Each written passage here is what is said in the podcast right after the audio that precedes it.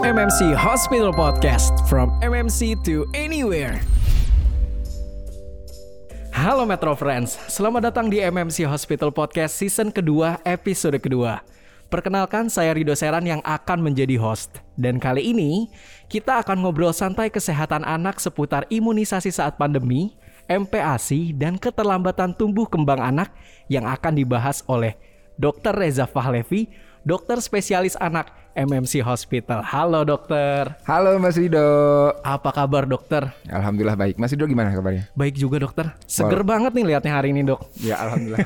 Walaupun lagi hujan ya, tapi kita tetap Kita harus tapi tetap semangat ya buat ngasih edukasi Ya, untuk Metro pastinya. Friends. Oke. Pertanyaan bunda-bunda nih, entah di sosmed, entah di artikel-artikel kita, dan Ya. mungkin juga Metro Friends banyak yang pengen tahu seputar beberapa hal yang akan kita bahas. Hari ini akan terjawab oleh Dokter Reza Fahlevi. Mudah-mudahan. Ya. Oke. Nah, langsung nih dok. Jadi gini, misalkan ada Metro Friends yang bingung gara-gara telat imunisasi gara-gara pandemi COVID-19. Gimana nih menurut dokter? Nah ini sebenarnya pertanyaan bagus banget dan ini cukup sering terjadi dan saya temui ya gitu ya. Jadi semenjak pandemi ini kan orang tua banyak yang khawatir membawa anaknya ke rumah sakit sehingga memang banyak uh, orang tua yang anaknya akhirnya terlambat imunisasi gitu. Ada juga sebagian yang nggak imunisasi. Bahkan kayak minggu lalu saya menemukan ada anak yang memang selama pandemi ini benar-benar nggak diimunisasi sama sekali gitu. Jadi terlambat datangnya gitu. Oke. Nah sebenarnya ini berbahaya. Kenapa? Karena uh, pada era pandemi ini gitu kan, anak sekarang menghadapi dua risiko. Risiko yang satu adalah risiko terinfeksi COVID-19 pastinya kan. Dia juga bisa menginfeksi pada anak. Yang kedua ya, dengan angka cakupan imunisasi yang rendah ini, otomatis resiko anak untuk mengalami berbagai penyakit-penyakit infeksi yang harusnya bisa dicegah dengan uh, imunisasi itu juga uh, nggak terjadi gitu. Sehingga risiko anak mengalami penyakit-penyakit seperti TBC, difteri, tetanus, campak dan lain itu jadi meningkat. Jadi istilahnya double burden nih. COVID-19 belum selesai, resiko untuk penyakit-penyakit yang tadinya udah hampir musnah bisa re-emerging atau terinfeksi kembali. Nah, itu yang dikhawatirkan sebenarnya. Oke oke oke oke.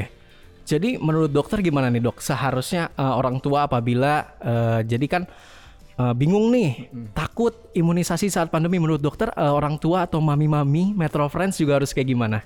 Ya, jadi buat semua Metro Friends dan Mami semua ya, kalau memang sudah uh, terlanjur terlambat nih imunisasinya, maka sebenarnya ada namanya imunisasi kejar. Imunisasi kejar itu adalah kita uh, memberikan imunisasi yang memang sudah terlambat, tapi jenis-jenis imunisasi yang masih bisa diberikan. Jadi nggak semuanya bisa gitu. Ada berbagai, uh, sebagian besar imunisasi itu masih bisa dikejar ya. Contohnya misalnya DPT, kemudian uh, campak dan lain itu masih bisa dikejar. Tapi kalau imunisasi tertentu misalnya imunisasi rotavirus, nah itu tidak bisa dikejar. Jadi kita berusaha nih kalau udah terlambat, yang masih bisa dikejar maka harus kita kejar ya. Yang nggak bisa dikejar lagi ya udah apa boleh buat ya. Nah tapi jangan sampai terjadi seperti itu. Jadi eh, lebih baik memang kita tetap melengkapi imunisasi pada anak walaupun di era pandemi. Karena kan sebenarnya banyak hal yang bisa kita lakukan ya untuk mencegah em, transmisi COVID-19 selama proses imunisasi. Oke, nah itu dia. Jadi tetap harus diimunisasi ya dokter ya. Nah mungkin dokter Valevi bisa kasih tips nih buat Metro Friends. Jadi misalkan eh, mami-maminya pengen membawa anaknya untuk imunisasi, mungkin ada tips dari dokter untuk eh, dibawa ke rumah sakit agar tetap aman. Oke, yang pertama saya ingin menekankan dulu kepada mami semua dan Metro Friends jangan khawatir untuk membawa anak eh, imunisasi ya ke rumah sakit. Yang anehnya sekarang nih kalau misalnya dibawa ke mall anak-anak banyak saya lihat gitu Betul, dokter. pada nggak takut gitu dibawa ke tempat rekreasi gitu. Tapi dibawa untuk imunisasi padahal untuk pencegahan untuk kesehatan malah takut gitu ya. Jadi ada beberapa tips saya bagi tips itu tiga sebelum, saat dan sesudah dari rumah sakit ya. Dari sebelum rumah sakit kalau bisa yang pertama eh, proses bookingnya ditelepon dulu agar memastikan bahwa pada saat anak dibawa ke rumah sakit dokternya memang ada. Seperti jadi appointment kalau bisa by, by phone atau mungkin eh, dengan internet ya. Jadi eh, kita booking dengan baik ya jadwalnya. Yang kedua pilih rumah sakitnya yang memang menerapkan protokol kesehatan otomatis ya. Menerapkan protokol kesehatan dengan baik. Artinya memang ruang tunggunya sudah diatur sedemikian rupa sehingga berjarak ya. Kemudian tersedia fasilitas untuk cuci tangan dan lain. Kemudian selama imunisasi ya uh, bawa juga nih perlengkapan untuk anak. Jadi kalau anaknya kurang dari 2 tahun maka persiapkan face shield. Kalau misalnya anaknya lebih dari 2 tahun maka pakai masker ya. Siapkan hand sanitizer di rumah. Siapkan masker cadangan ya. Mungkin nanti masker anaknya jatuh dan lain kita punya masker cadangan ya. Kemudian selama di rumah sakit kita juga harus menjaga jarak dengan pasien-pasien lain otomatis ya. Hindari juga memegang benda-benda di sekitar rumah sakit yang nggak perlu gitu ya. Nah kemudian lakukan vaksinasi yang aman bersama dokter. Nah setelah pulang segera mandi dan ganti baju. Nah mudah-mudahan dengan langkah-langkah tersebut ya anak aman dibawa untuk vaksinasi ke rumah sakit. Oke keren banget. Jadi intinya tetap menerapkan protokol kesehatan 3M ya dokter. Ya, benar Memakai banget. masker, mencuci tangan pakai sabun dan menjaga jarak. Ya, Itu betul. penting banget ya Metro Friends dan mami-mami. Oke.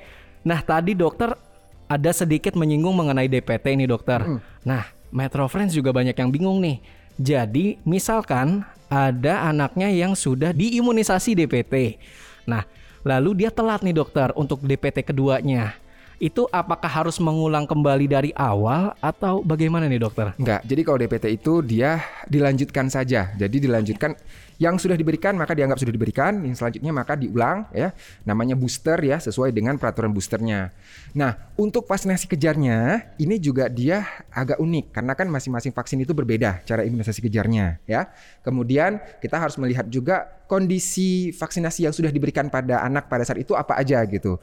Makanya kalau untuk imunisasi kejar ini lebih baik memang dikonsultasikan ke dokter spesialis anak gitu. Yang pertama nanti dokter tuh akan menilai dulu nih Oke, okay, anak A yang udah diimunisasi ini ini ini ini gitu. Ini berapa kali, ini berapa kali, ini berapa kali. Sehingga kita berpikir bahwa yang masih bisa dilanjutkan atau dikejar yang mana ya. Kemudian untuk kejarnya sendiri jarak dan lain berapa kali diberikan seperti apa. Jadi memang setiap vaksin itu unik-unik, nggak bisa disamaratakan. Kalau DTP itu bisa dilanjutkan saja tanpa harus diulang lagi yang sudah diberikan sebelumnya. Oke, jawabannya berarti bisa dilanjut aja ya, ya dokter ya. betul. ya. Oke, nah sekarang langsung nih dokter. Jadi misalkan ada Metro Friends atau mami-mami yang ingin diimunisasi di MMC Hospital. Mungkin caranya bisa dikasih tahu nih dokter? Ya boleh banget. Yang pertama bisa booking dulu jadwalnya ya untuk dokter prakteknya ada yang pagi ada yang sore, kemudian bisa by phone, kemudian bisa juga uh, melalui internet ya. Kemudian booking uh, beritahu ke rumah sakitnya kira-kira vaksin yang diperlukan apa ya, yang mau dilakukan apa ya. Kemudian uh, pada hari dan jam yang sudah di booking, tinggal datang aja dengan tadi tips-tips yang saya, saya berikan ya untuk menerapkan protokol kesehatannya. Jadi okay. gampang sekali.